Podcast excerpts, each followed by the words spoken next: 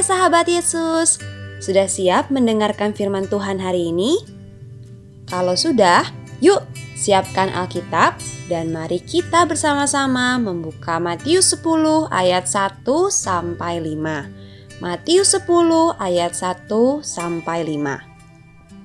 Sudah dapat? Kalau sudah, biarkanlah Alkitabmu tetap terbuka.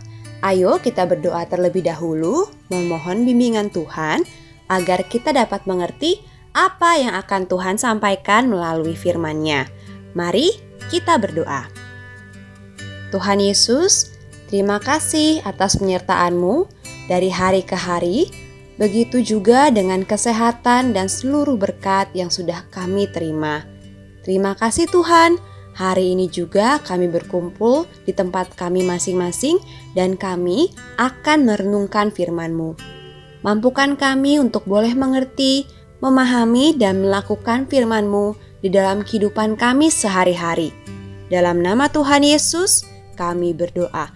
Amin. Renungan hari ini berjudul Murid-murid Yesus. Sahabat Yesus, mari kita membaca firman Tuhan yang tadi sudah kita siapkan. Firman Tuhan diambil dari Matius 10 ayat 1 sampai 5. Beginilah firman Tuhan. Yesus memanggil kedua belas rasul. Yesus memanggil kedua belas muridnya dan memberi kuasa kepada mereka untuk mengusir roh-roh jahat dan untuk melenyapkan segala penyakit dan segala kelemahan. Inilah nama kedua belas rasul itu.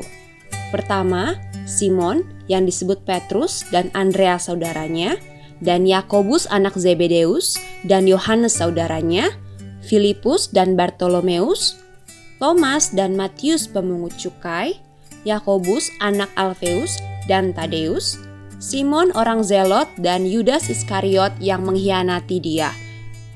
Yesus mengutus kedua belas rasul. Kedua belas murid itu diutus oleh Yesus dan ia berpesan kepada mereka, Janganlah kamu menyimpang ke jalan bangsa lain atau masuk ke dalam kota orang Samaria. Demikianlah firman Tuhan. Sahabat Yesus pasti tahu dong nama kedua belas murid Tuhan Yesus. Yuk, kita sebutkan bersama-sama.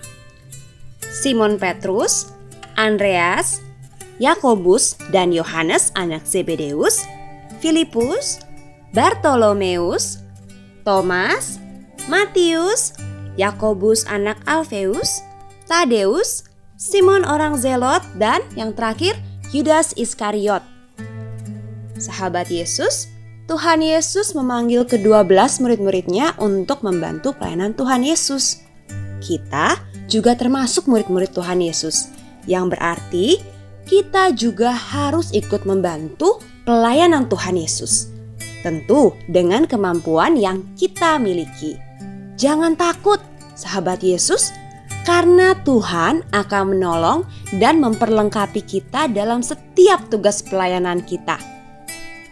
Sahabat Yesus, ayo kita ucapkan kata-kata ini. Aku mau ikut melayani seperti kedua belas murid Tuhan Yesus. Sekali lagi, aku mau ikut melayani seperti kedua belas murid Yesus. Mari kita berdoa.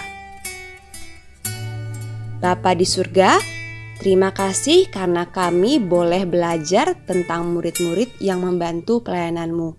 Dan kami juga siap untuk ikut melakukan seperti yang Tuhan mau. Bimbing kami agar kami dapat melakukan yang terbaik sehingga menjadi hormat dan kemuliaan bagi namamu.